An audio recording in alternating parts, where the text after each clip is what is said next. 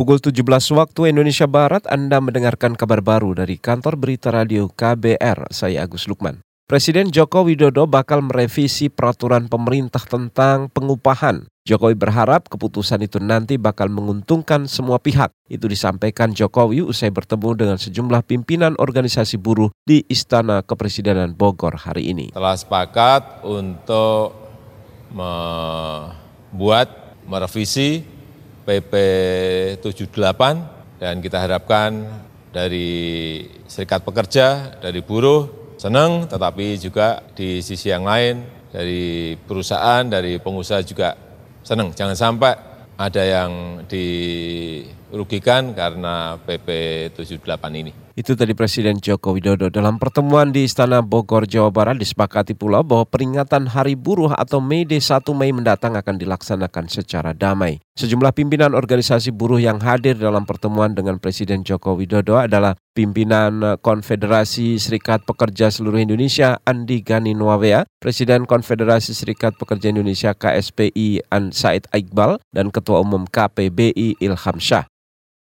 Beralih ke informasi pemilu, Komisi Pemilihan Umum KPU tengah mendalami video viral soal antrean yang diduga calon pemilih di Sydney, Australia. Anggota KPU Hasim Asari mengatakan KPU telah meminta panitia pemungutan suara di Sydney untuk memastikan apakah warga dalam antrian itu termasuk pemilih yang berhak mengikuti pemilu lanjutan. KPU kesulitan mendapat informasi lantaran tak ada warga yang melapor. Antrian pemilih itu itu perlu diklarifikasi antrian pemilih ini pemilih yang yang memang belum apa menggunakan hak pilihnya atau sudah milih tapi ngobrol-ngobrol di luar oh karena di luar negeri kan pemilu juga jadi suasana kelangenan ya.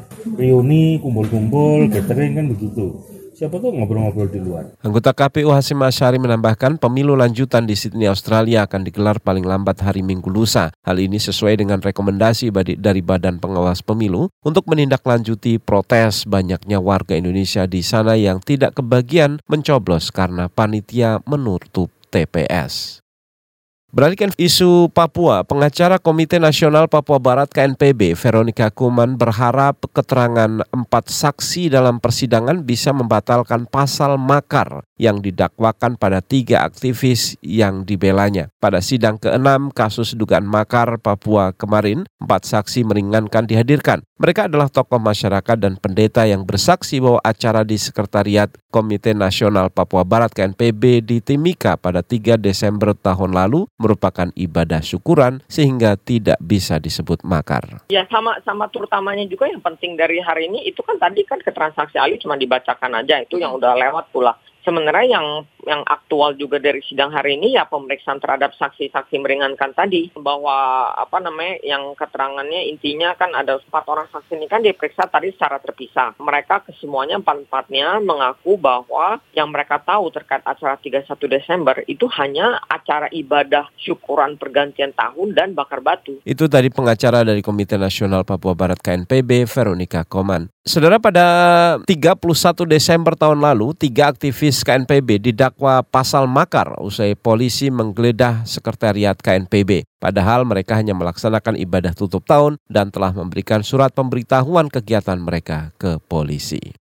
Bergeser ke Aceh, saudara jalur lintas Kabupaten Pidi menuju Aceh Barat putus akibat banjir dan longsor. Padahal jalan ini merupakan satu-satunya penghubung antar dua kabupaten yaitu Pidi dan Aceh Barat. Kepala Badan Penanggulangan Bencana Daerah Aceh Barat, Mukhtar mengatakan tim kesulitan membuka akses jalan lantaran hujan deras masih mengguyur wilayah itu. Ya, sudah kita buat perencanaan untuk penanganan. Karena Kepala Pelaksana Badan Penanggulangan Bencana Daerah BPBD Aceh Barat, Mukhtar mengatakan sejumlah alat berat sudah diturunkan ke lokasi dan hingga saat ini aktivitas di jalan lintas antar kabupaten itu masih lumpuh total.